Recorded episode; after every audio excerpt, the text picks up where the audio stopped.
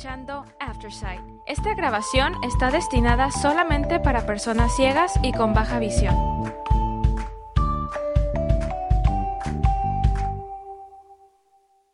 La programación regular de este podcast no está disponible en este momento. Esperamos que disfrute de esta transmisión especial de AINC. Gracias por acompañarnos. El día de hoy martes 23 de enero 2024, a la lectura de Telemundo Denver. Mi nombre es Janet Beatty. Estos son los principales artículos que leeremos hoy. La Casa de los Famosos. Llega la nueva temporada solo por Telemundo, por Telemundo Digital demócratas de New Hampshire se dirigen a las urnas en primarias consideradas sin sentido por Noreen O'Donnell. Colorado roban copias de periódico que reseñó presuntos abusos sexuales en la casa de un jefe policial por Amy Beth Hansen, The Associated Press. La lista completa de los nominados a los premios Oscar 2024 por NBC y continuaremos con algunos artículos diversos.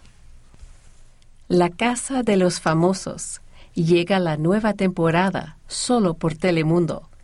Reconocidos actores, actrices, personalidades del deporte y de las redes sociales deberán convivir durante semanas y hasta meses en la casa más famosa de la televisión por Telemundo Digital. La Casa de los Famosos, el reality show más explosivo de la televisión en Estados Unidos, regresa a las pantallas de Telemundo con su cuarta temporada. Reconocidos actores, actrices, personalidades del deporte y de las redes sociales deberán convivir durante semanas y hasta meses en la casa más famosa de la televisión sin contacto con el mundo exterior ni acceso a redes sociales o Internet. Aquí todos los detalles sobre la nueva temporada que estrena este 2024. ¿Cuándo empieza la Casa de los Famosos Cuatro? El estreno de La Casa de los Famosos Cuatro es este martes 23 de enero a las 7 p.m. ET, 6 p.m. CT. ¿Dónde ver la nueva temporada de La Casa de los Famosos? Telemundo es el hogar de la cuarta temporada del reality show, el cual estará disponible en televisión, streaming y plataformas digitales. La cadena Telemundo también tendrá disponibles a través de sus plataformas digitales cámaras en vivo, donde los usuarios podrán ver cómo interactúan los participantes en tiempo real, las 24 horas del día, 7 días a la semana. En total, unas 60 cámaras vigilarán y grabarán todas las peleas, romances, alianzas y traiciones que ocurrirán durante el show. ¿Quiénes son los participantes de la Casa de los Famosos Cuatro? En total, 23 celebridades latinoamericanas de diversos ambientes entrarán a la casa. Esos son los concursantes confirmados hasta el momento. Lupillo Rivera, Tailí García, Gregorio Pernilla, Maripile Rivera, Pedro Figueira, la divasa, José Reyes, la melaza, Alana Yiteras, Fernando Lozada, Ariadna Gutiérrez, Clovis Neineu, Sophie Durán, Carlos Gómez, El Cañón, Daniela Alexis, La Bebechita, Mariana González, Silvia del Valle, La Bronca, Alfredo Adame, Guti Carrera, Cristina Porta, Leslie Gallardo, Robbie Mora, Rodrigo Rome. Faltan dos participantes que serán anunciados el día del estreno del reality. Cada semana habrá un eliminado.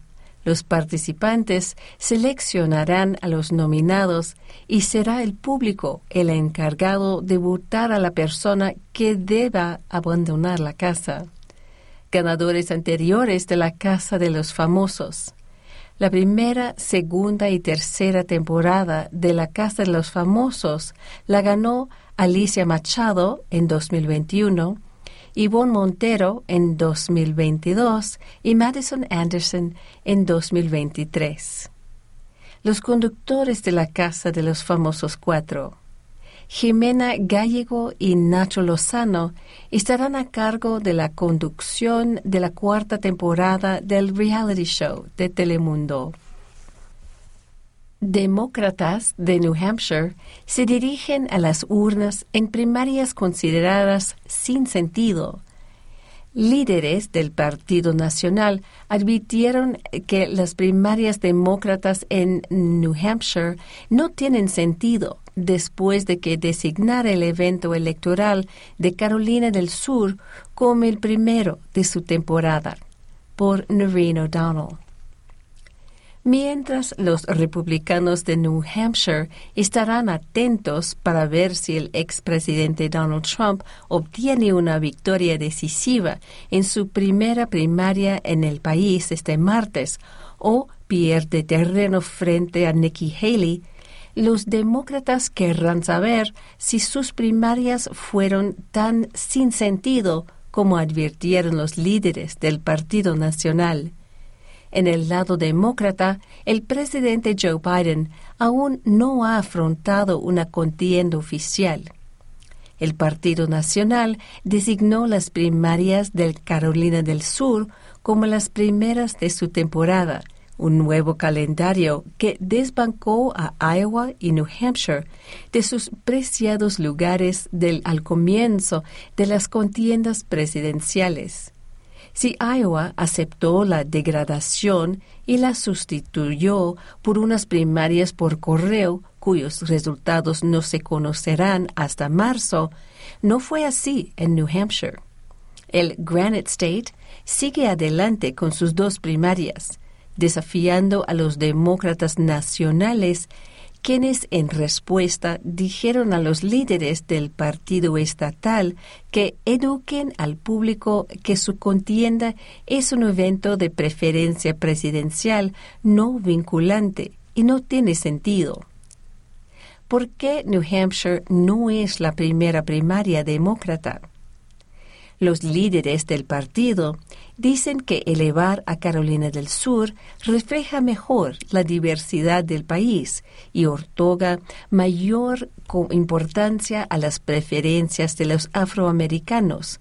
Pero los analistas políticos en New Hampshire ven una oportunidad para que Biden cultive una relación que ha sido particularmente importante para sus posibilidades políticas.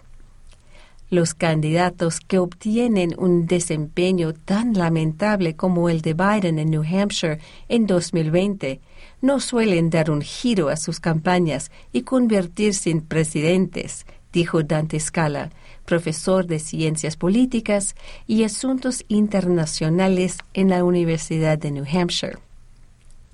Decisión encuentra la información más reciente de elecciones que se están llevando a cabo en tu ciudad, tu estado y en Estados Unidos. Así que de repente había un presidente en ejercicio que no tenía ninguna lealtad, ninguna razón especial para ser leal a New Hampshire y su lugar en el calendario, dijo Scala. Biden no le debía nada a New Hampshire y ciertamente actuó de esa manera. Biden quedó en quinto lugar en New Hampshire en 2020, en una contienda ganada por el senador Bernie Sanders, el independiente del vecino Vermont. La candidatura presidencial de Biden se salvó dos semanas después gracias a su éxito en las primarias de Carolina del Sur, particularmente entre los votantes afroamericanos. El respaldo del representante de Carolina del Sur, James Clyburn, ex ser demócrata de rango y principal afroamericano en la Cámara, se consideró clave. Nadie habla de ello delante de los micrófonos, pero todo el mundo sabe que se trata de Biden y Clyburn y Carolina del Sur, y no de lo que es mejor para el orden de las cosas en el sistema de las primarias, dijo Scott Spradling del grupo Spradling, exdirector político de WMUR-TV en Manchester y comentarista de NBC 10 en Boston. Existe una respuesta sorprendente en New Hampshire ante esta afirmación de que esto es por el bien de todos, porque no lo es. La respuesta del Estado a la decisión demócrata. Neil Levesque, director del Instituto de Política de New Hampshire en St. Anselm College de Manchester, argumentó que Biden era un candidato débil que temía poner a prueba su presidencia en las primarias del Estado. Biden ha tenido problemas en las encuestas y en una encuesta nacional de NBC en noviembre obtuvo solo un índice de aprobación de 40%, el más bajo de su presidencia, por su manejo de la política exterior y la guerra entre Israel y Hamas el presidente decidió que quería que los jefes de partido y no los votantes eligieran quién iba a ser el candidato demócrata, dijo. No quería competir en las elecciones. Es realmente una medida antidemocrática, dijo Levesque. La ley del estado de New Hampshire exige que sus primarias sean las primeras en el país después de que el Comité Nacional Demócrata dijera a los demócratas estatales que sus primarias no tendrían sentido y que se negaría a otorgar delegados en función de sus resultados, la oficina del fiscal general de New Hampshire envió una carta de cese y desistimiento. El presidente del partido estatal, Ray Buckley, dijo que los demócratas simplemente estaban cumpliendo con la ley de New Hampshire. Bueno, es seguro decir que en New Hampshire el Comité Nacional Demócrata es menos popular que los Yankees de Nueva York, dijo en un comunicado. Buckley dijo que esperaba una gran participación en las primarias, aunque los comentaristas predijeron confusión cuando los votantes intentaron escribir el nombre de Biden. En cuanto al futuro de las primarias, algunos residentes esperan que la decisión se revierta en futuras elecciones presidenciales. Los residentes de New Hampshire están dispuestos a hacer preguntas inteligentes a los candidatos y a investigar, dijo Spradling. Es un estado pequeño en el que todos los candidatos pueden permitirse el lujo de hacer campaña y que permite a los votantes independientes marcar la diferencia, afirmó. Levesque dijo que las primarias reflejan un esfuerzo serio de investigación de votantes comprometidos y acostumbrados a descartar candidatos débiles. Esto no se trata solo de los malhumorados votantes de New Hampshire, dijo. Pero Scala cuestionó si el Estado sería capaz de defender la recuperación de las primeras primarias del país, dada la diversidad del país. La Liga de Mujeres Votantes señala que aproximadamente 89% del Estado es blanco, en comparación con el 59% del país en su conjunto. ¿Dónde encontraría New Hampshire aliados dentro del Partido Demócrata para el cambio? preguntó Scala. Y dentro del Estado, dijo, esperaría resistencia a cambiar la ley que exige que los funcionarios estatales garanticen que las primarias sean las primeras. ¿Cuál sería el argumento de los demócratas de New Hampshire para esencialmente repetir una decisión ahora? preguntó. ¿Qué se espera de las primarias demócratas?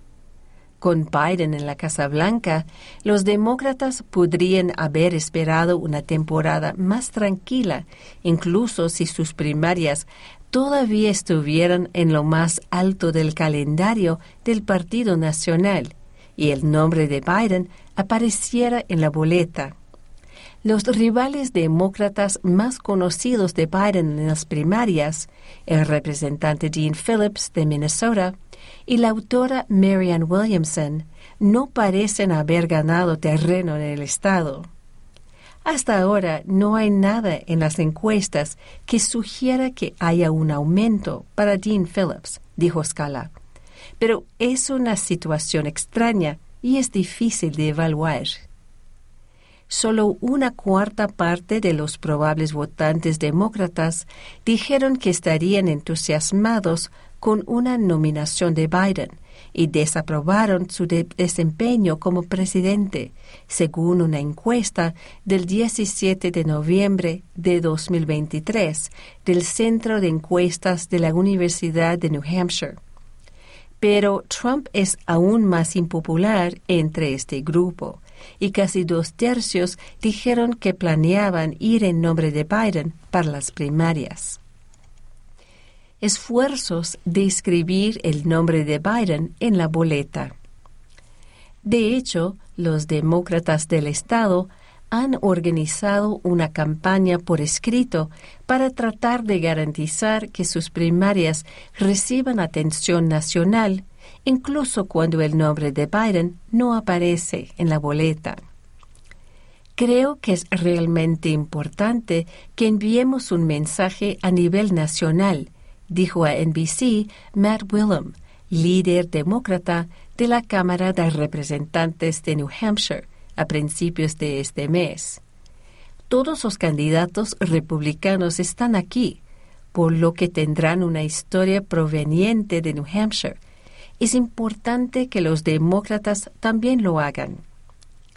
La campaña de Biden dice que no participa en el esfuerzo pero algunos analistas acusan a Biden de tratar de tener ambas cosas, omitiendo oficialmente New Hampshire en favor de Carolina del Sur, pero permitiendo que sus sustitutos defiendan su reelección.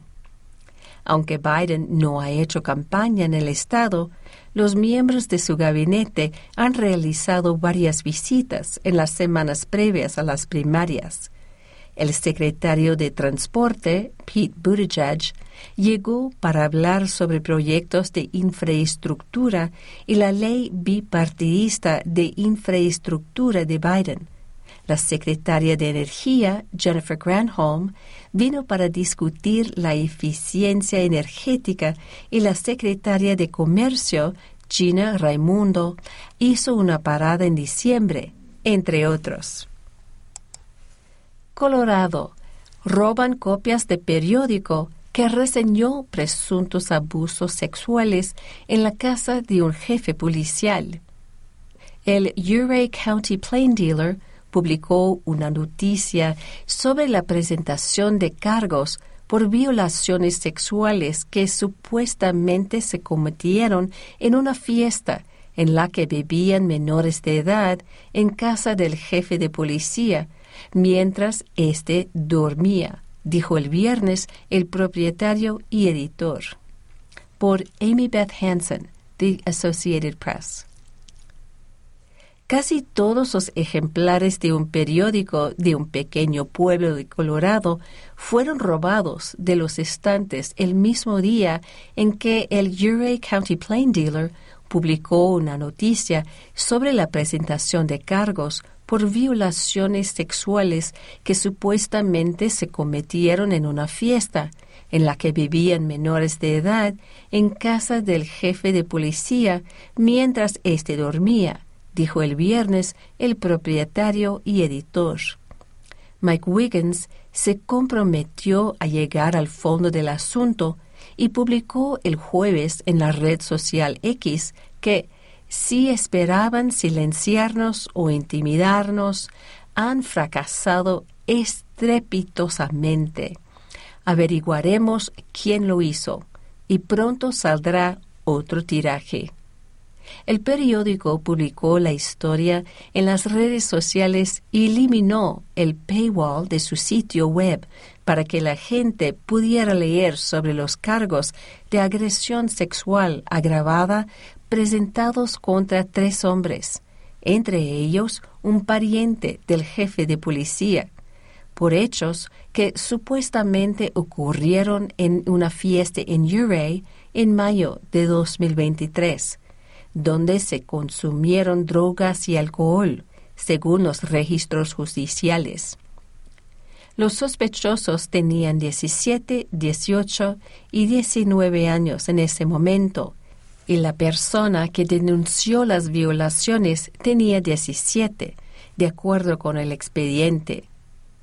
Alguien devolvió la noche del jueves una bolsa de basura llena de periódicos al plain dealer, y las personas solidarias donaron unos dos mil dólares al periódico, algo que Wiggins calificó de extremadamente alentador y aleccionador. Unos 250 periódicos llenaron los estantes el viernes por la mañana en el condado de Uray, una zona montañosa del suroeste de Colorado en la que viven unas 5.000 personas. Si alguien iba a intentar que el público no pudiera leer esta historia, íbamos a asegurarnos de contrarrestarlo, dijo Wiggins. El Uray County Plain Dealer se publica los jueves y se entrega en los kioscos a la última hora de miércoles. Los suscriptores reciben el periódico por correo. El precio del periódico semanal es de un dólar por lo que alguien se gastó 12 dólares en abrir los estantes y llevarse todas las copias, explicó Wiggins. Les faltó un estante de periódicos de una cafetería, por lo que robaron unos 200 periódicos. Wiggins agradeció que los estantes no sufrieron daños. En su opinión, la persona que devolvió los periódicos es la que se los llevó. Además, piensa que solo una persona estuvo implicada en el robo. Wiggins declinó identificar a la persona, pero sí comunicó esa información a la policía. Los policías también tenían las grabaciones de vigilancia de algunos de los robos, indicó Wiggins. El jefe de policía de Uray, Jeff Wood, no devolvió el viernes un mensaje telefónico enviado por The Associated Press en busca de comentarios. La redacción de periódico planea tener una historia en la edición del próximo jueves sobre el robo de los ejemplares y posiblemente una columna en la que explica por qué se lo tomó tan en serio y reimprimió el periódico, dijo Wiggins. Es extraño escribir sobre nosotros mismos, afirmó Wiggins. Trabajamos muy duro para asegurarnos de no ser la historia, agregó. La lista completa de los nominados a los premios Oscar 2024. Jimmy Kimmel regresa como presentador de los premios de la Academia por segundo año consecutivo y cuarta vez en general por NBC. Los Ángeles. Las nominaciones para la 96 edición de los premios de la Academia se anunciaron este martes desde el Teatro Samuel Goldwyn en la Academia en Los Ángeles. Zazie Beats de The Joker y Jack Quaid de Oppenheimer revelaron los afortunados nominados de 23 categorías. Oppenheimer encabezó la lista con 13 nominaciones, mientras que la épica sobre Osage de Martin Scorsese, Killers of the Flower Moon, fue nominada a 10 premios Oscar. Lily Gladstone, estrella de Killers of the Flower Moon, se convirtió en la primera nativa americana nominada a Mejor Actriz. Barbie, de Greta Gerwig, no se quedó atrás con ocho nominaciones. Los Oscar se transmitirán en vivo por ABC el domingo 10 de marzo. Jimmy Kimmel regresa como presentador por segundo año consecutivo y cuarta vez en general. Vea la lista completa de nominados a continuación. Nominados a Mejor Película, American Fiction, Anatomy of a Fall, Barbie, The Holdovers, Killers of the Flower Moon, Maestro, Oppenheimer, Past Lives, Poor Things, Zone of Interest. Mejor Actor, Bradley Cooper, Maestro, Coleman Domingo, Rustin, Paul Giamatti, The Holdovers, Killian Murphy, Oppenheimer, Jeffrey Wright, American Fiction. Mejor Actriz, Annette Bening, Naiad, Lily Gladstone, Killers of the Flower Moon, Sandra Hewler, Anatomy of a Fall, Carrie Mulligan, Maestro, Emma Stone, Poor Things. Mejor Actor de Reparto, Sterling K. Brown, American Fiction, Robert De Niro, Killers of the Flower Moon, Robert Downey Jr., Oppenheimer, Ryan Gosling, Barbie, Charles Melton, May December, Mark Ruffalo, Poor Things. Mejor Actriz de Reparto, Emily Blunt, Oppenheimer, Danielle Brooks, The Color Purple, America Ferrera, Barbie, Jodie Foster, Naiad, Devine Joy Randolph, The Holdovers. Mejor Guión Adaptado, American Fiction, Barbie, Oppenheimer, Poor Things, The Zone of Interest. Mejor Guión Original, Anatomy of a Fall, Holdovers, Maestro, May December, Past Lives. Mejor cortometraje de animación, Letter to a Pig, 95 Senses, Our Uniform, Pachyderm, War is Over, inspired by the music of John and Yoko. Mejor diseño de vestuario, Barbie, Killers of the Flower Moon, Napoleon, Oppenheimer, Poor Things.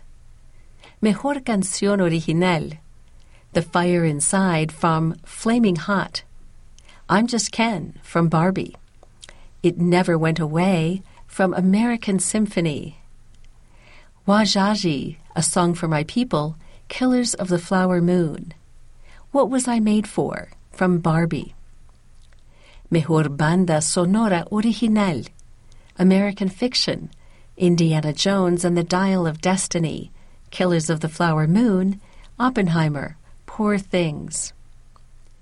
Mejor largometraje de animación, The Boy and the Heron, Elemental, Nimona, Robot Dreams, Spider Man Across the Spider Verse.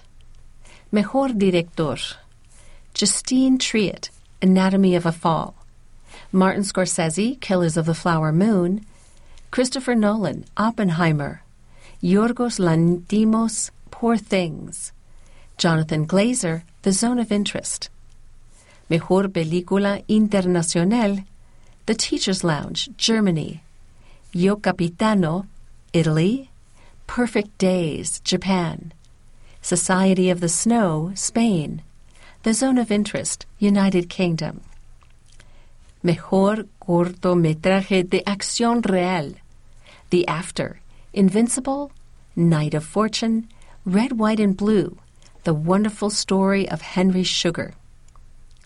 Mejor documental, Four Daughters, 20 Days in Mariupol, Bobby Wine, The People's President, The Eternal Memory, To Kill a Tiger. Cinematografía, Edward Lachman, El Conde, Rodrigo Prieto, Killers of the Flower Moon, Matthew Libatique, Maestro, Hoyt van Hoytema, Oppenheimer, and Robbie Ryan, Poor Things. Cortometraje documental, Sheila Nevins and Trish Adlisick, The ABCs of Book Banning. John Hoffman and Christine Turner, The Barber of Little Rock. S. Leo Chang and Jean Chen, Island in Between. Ben Proudfoot and Chris Bowers, The Last Repair Shop. Sean Wang and Sam Davis, Nai Nai and Waipo. Medios. Israel propone tregua en Gaza a cambio de liberación de rehenes. El ejército israelí dijo el lunes murieron 24 soldados en la franja de Gaza, 21 de ellos en un solo incidente, por EFE y NBC News. Jerusalén. Israel ha hecho una propuesta de tregua de dos meses en la guerra de Gaza a cambio de que jamás libere a los rehenes aún retenidos en la franja, informó el lunes el medio israelí Walla, que citó a dos altos cargos israelíes. Según este digital informativo, con acceso a fuentes de alto rango entre autoridades israelíes, el gobierno de Benjamín Netanyahu ha enviado a Egipto y Qatar una proposición por la cual plantea un alto el fuego en el enclave de unos dos, unos dos meses perdón, de duración a cambio de la puesta en libertad de los cautivos. El día más mortífero para el ejército de Israel. El ejército israelí dijo el lunes murieron 24 soldados en la franja de Gaza, 21 de ellos en un solo incidente. El día más mortífero para las fuerzas del país desde que comenzó la guerra puede aumentar la presión creciente para un acuerdo de alto el fuego con Hamas. En algunos de los combates más sangrientos del nuevo año en Gaza, las fuerzas israelíes dijeron que habían rodeado la ciudad sureña de Khan Yunis, donde funcionarios de salud palestinos dijeron que irrumpieron en un hospital y sitiaron otro, cortando a los pacientes de la atención traumatológica.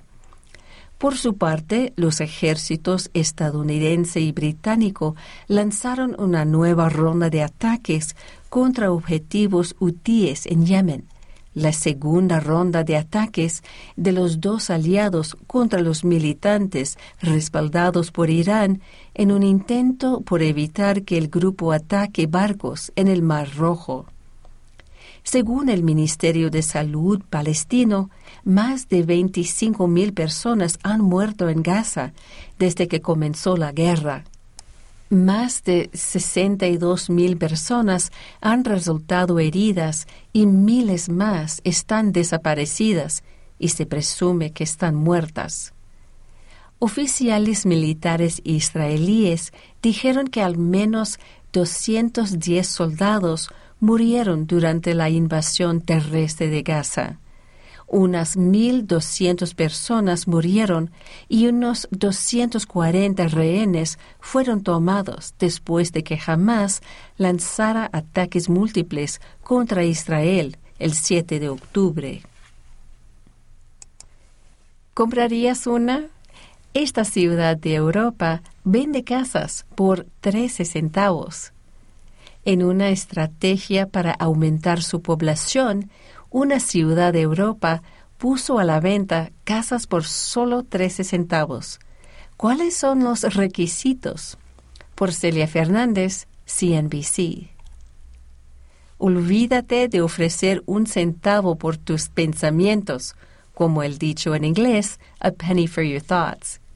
¿Qué tal 13 centavos por una casa en Croacia? Legrad, una ciudad en el norte de Croacia, está tratando de que más personas se establezcan en la zona ofreciendo casas por unos centavos en una iniciativa que nació en 2018.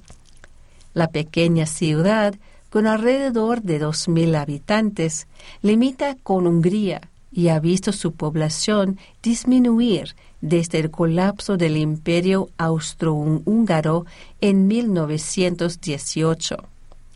En enero, funcionarios del gobierno anunciaron que otro lote de casas estaba listo para la venta a solo 13 centavos. ¿Cuáles son los requisitos? Para ser elegible para comprar una de las casas, Los solicitantes deben tener menos de 45 años, estar en una unión matrimonial o extramatrimonial y no tener antecedentes penales. En particular, si desea adquirir una de estas casas de bajo costo, los solicitantes no pueden tener otra propiedad, aunque los funcionarios no especifican si eso significa en Croacia o en cualquier otro lugar del mundo. El medio de comunicación local croata HRT informó que desde que comenzó el programa en 2018, hoy hay más niños que hace cinco años y, como resultado, incluso están construyendo una nueva guardería. Se han vendido en total cinco casas listas para ser ocupadas ya se han mudado tres familias y lo que nos alegra es que las tres familias recibieron a un nuevo miembro durante su mudanza. Esto ha aumentado el número de niños en la guardería, dijo a HRT Ivan Sabolich, alcalde de Legrad. En 2021, Legrad puso a la venta 19 casas vacías y obras de construcción abandonadas al precio de una cuna, la moneda croata de la época. Se vendieron 17, según Reuters. Las casas estaban deterioradas, por lo que, para ayudar, el municipio dijo que pagaría 25 mil cunas, unos 3.558 dólares por las renovaciones necesarias. Para los nuevos residentes que quisieran comprar una casa de propiedad privada, la ciudad ofrecía cubrir el 20% del precio o hasta 35 mil cunas, alrededor de 5.056 dólares. No está claro si la ciudad ofrecerá los mismos incentivos esta vez. Croacia no es el primer país que adopta este tipo de estrategias para atraer nuevos residentes a sus poblaciones cada vez más reducidas. Musomeli, una ciudad de Sicilia, se volvió viral por vender casas deterioradas por un euro la estrella de Los Soprano y Goodfellas, Lorraine Bracco, también se unió a esta tendencia cuando compró una casa por un euro en otra ciudad italiana llamada Sambuca di Sicilia. Business School, la historia de una emprendedora latina que creó su negocio de libros bilingües para niños. Patty Rodríguez comenzó su negocio de libros en español e inglés, Lil Libros, en 2014. Ahora este es un negocio exitoso con millones de dólares en ventas. Por Gerardo Pons, NBC. A veces la vida da vueltas y en muchas ocasiones lleva a las personas por caminos muy inesperados. Este fue el caso de Patty Rodríguez, una emprendedora latina oriunda de Los Ángeles que un día pasó de tener el trabajo de sus sueños a perderlo todo. Todo comenzó mientras Rodríguez cursaba la preparatoria, cuando se enteró de que una estación de radio local, KIISFM, estaba rifando boletos en una competencia para ver a su banda favorita, sync. Aunque Rodríguez estaba convencida de que su madre nunca la dejaría ir por los boletos con pequeñas mentiras piadosas, logró persuadirla para prestarle el coche y se fue con unos amigos a Burbank, ubicada a unas 20 millas de su hogar en ese entonces. Rodríguez participó en la competencia con otros tres amigos y, tras jugar, ganaron los codiciados boletos de NSYNC. Si bien los boletos eran su principal objetivo, Rodríguez siempre había estado interesada en la música y el entretenimiento desde pequeña. Así que decidió probar su suerte nuevamente y preguntarle a un empleado de la estación si estaban contratando. ¿Están contratando? le preguntó Rodríguez, a lo que el empleado respondió No, por ahora no, pero ¿cuántos años tienes? Rodríguez explicó que tenía 16 años y el empleado le recalcó que no contrataban a menores de 18 pero la contactarían en el futuro. Ambos intercambiaron números de teléfono y las cosas quedaron así, hasta que poco después Rodríguez recibió una llamada que la emocionó más que los boletos del concierto. Y es que la estación la contactó para preguntarle si estaba interesada en ayudarles un par de veces por semana esta oportunidad se extendió a una actividad que terminó con Rodríguez trabajando para ellos durante tres años en programas como el show matutino de Ryan Seacrest, una celebridad en Estados Unidos. Aunque Rodríguez ayudó a la estación durante varios años, su trabajo al principio siempre fue sin remuneración algo que nunca cuestionó por miedo a perder la oportunidad. Creo que nadie sabía qué hacía yo en la estación, ni siquiera los productores ejecutivos, explicó Rodríguez. Todos asumían que era como una ayudante y que mi contrato estaba todo en orden. Sin embargo, un día escuchó a su jefe en la estación hablar sobre contratar a un asistente de promociones que hablara español. Rodríguez consiguió el trabajo, pero el gusto le duró poco cuando, al regresar del trabajo, se percató de que varios policías y bomberos rodeaban su calle porque una casa estaba en llamas. Cuando entré a mi calle dije, ¡ay, esa es mi casa! Dijo Rodríguez. Recuerdo haber dejado mi coche en plena calle y correr hacia ella. Tenía mucho miedo. Luego un policía me detuvo y me dijo que había habido un incendio. Fue entonces cuando me dijo que perdimos nuestra casa en el incendio. Ese momento alteró el futuro de Rodríguez por completo ya que tuvo que renunciar al trabajo en la estación y con mucha perseverancia decidió crear el negocio de sus sueños, una compañía de libros bilingües llamada Lil Libros.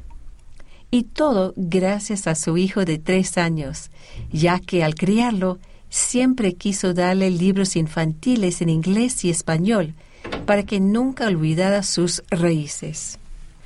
Nunca encontré libros que representaran adecuadamente a nuestra comunidad latina, resaltó Rodríguez. Sí había traducciones al español de libros como If You Give a Mouse a Cookie y Where the Wild Things Are, pero no había libros originales de nuestra comunidad esos libros nunca eran escritos por nosotros, así que decidí empezar a crear libros que celebraban nuestras tradiciones y culturas en ambos idiomas, inglés y español, dijo Rodríguez. Siempre quise criar a mi hijo en una casa bilingüe, y esta es la mejor manera de hacerlo. Rodríguez y su amiga Ariana empezaron a crear libros con Lil Libros en 2014 y diez años después, en 2023, su compañía registró más de 2.5 millones de dólares en ventas. Pueblo de New Hampshire fue el primero en votar en primarias electorales. Nadie eligió a Trump. Los votantes depositaron sus boletas en una caja de madera a medianoche en una tradición que perdura desde 1960 por Emily Barnett y Zoe Richards, NBC News. Las primeras seis papeletas de la temporada de primarias de 2024 perdón, se emitieron este martes a la medianoche en la pequeña ciudad de Dixville Notch, New Hampshire. Trump no recibió votos y Haley recibió los seis. Cuatro de los votantes eran republicanos registrados, mientras que dos no estaban declarados. Un gran comienzo para un gran día en New Hampshire, dijo Haley en un comunicado de prensa de la campaña. Gracias, Dixville Notch. Los votantes depositaron sus boletas en una caja de madera a medianoche, en una tradición que perdura desde 1960, con un moderador de la ciudad tabulando las boletas, completando la documentación necesaria y registrando los resultados en una pizarra. Dixville Notch tiene la racha más larga de votaciones de medianoche. En 1988, la ciudad tuvo el mayor número de votos emitidos a medianoche, 38, desde que comenzó la tradición. ¿Cómo sobreviven los caimanes en lagos congelados? Un video viral tiene la explicación. Por Johanna A. Álvarez, Telemundo Digital. Cuando el frío ártico impactó a Texas y otras regiones de Estados Unidos la semana pasada, los residentes no fueron los únicos en sentir sus efectos. Un caimán fue captado en un lago completamente congelado en Beaumont, en el sureste del estado. Las imágenes quedaron en un video que desde entonces se ha vuelto viral en las redes sociales. El video, compartido en TikTok por el Centro de Rescate Gator Country, muestra claramente al reptil bajo al agua, pero también detalle que pese a las bajas temperaturas, el animal está exhibiendo su increíble estrategia de sobrevivencia durante tormentas invernales. Puedes ver todo el cuerpo del caimán, pero más importante, mira su boca indica un empleado de Gator County que aparece en el video. La colocó hacia arriba para que pueda obtener oxígeno y respirar, agregó el hombre, cuya identidad no fue incluida en las imágenes. Ese animal está en total hibernación ahí mismo. Su corazón late a tres latidos por minuto. Eso es increíble. De acuerdo con la Federación Nacional de Vida Salvaje, NWF, los caimanes, al ser reptiles de sangre fría, entran en letargo cuando el tiempo se vuelve frío. También ocurrió en Carolina del Norte. Este no fue el único caimán que fue captado congelado en las últimas semanas. El Swamp Park en Ocean Isle Beach, en Carolina del Norte, también compartió un video de un caimán bajo un lago congelado y uno de los empleados hasta se atrevió a tocarle el hocico. Es algo de la película Jurassic Park, dijo el empleado. Están tomando un descanso de ser impertinentes y guardando energía, agregó. La NWF indicó que los caimanes americanos solo se pueden encontrar en Estados Unidos, específicamente en el sureste del país, incluyendo Texas, Carolina del Norte y los Everglades de Florida. Esos reptiles, que pueden crecer hasta más de 12 pies, se encuentran generalmente en ríos de agua dulce de caudal lento pero también habitan en pantanos, ciénagas y lagos. CNBC. Cómo encontrar cámaras ocultas en hoteles y casas de alquiler. Las cámaras espía, como se las llama, son cada vez más pequeñas, más difíciles de encontrar y más fáciles de comprar. Por Monica Petrelli, CNBC se encuentran cámaras ocultas en habitaciones de hotel, casas de alquiler, cruceros e incluso baños de aviones, lo que deja a muchos viajeros preguntándose, ¿podría estar mirándome una cámara oculta? Las cámaras espía, como se las llama, son cada vez más pequeñas, más difíciles de encontrar y más fáciles de comprar. Desde despertadores hasta ambientadores, botellas de agua y cepillos de dientes, las cámaras vienen integradas en artículos domésticos comunes que combinan a la perfección con la decoración del hogar se pueden comprar en tiendas o en línea y a través de minoristas como Amazon y Walmart. Y en lugar de tener que recuperar la cámara para obtener la grabación, los propietarios pueden transmitir imágenes en vivo directamente a sus teléfonos, dijo Peter Chia, director ejecutivo de la empresa de servicios tecnológicos OMG Solutions, con sede en Singapur. Peor aún, los voyeurs pueden vender las imágenes a sitios pornográficos donde pueden verse miles de veces. No es de extrañar que los sitios web, desde YouTube hasta TikTok, estén llenos de vídeos de personas que recomiendan formas sencillas de encontrar cámaras ocultas. Pero, ¿funcionan estas sugerencias? Para averiguarlo, Chia y su equipo escondieron 27 cámaras en una casa y luego proporcionaron a CNBC los dispositivos comúnmente recomendados para encontrarlas. En total, CNBC realizó cinco rondas de pruebas para ver qué método era el más eficaz. Prueba 1. A simple vista. Primero, examinamos las habitaciones utilizando el método más sencillo y económico de todos, prueba a la simple vista. Mi colega, Victor Lowe, fue de una habitación a otra y notó que nada parecía fuera de lugar o sospechoso. Después de 20 minutos de búsqueda, encontró una cámara incrustada dentro de un reloj en funcionamiento, alertada porque no era hora.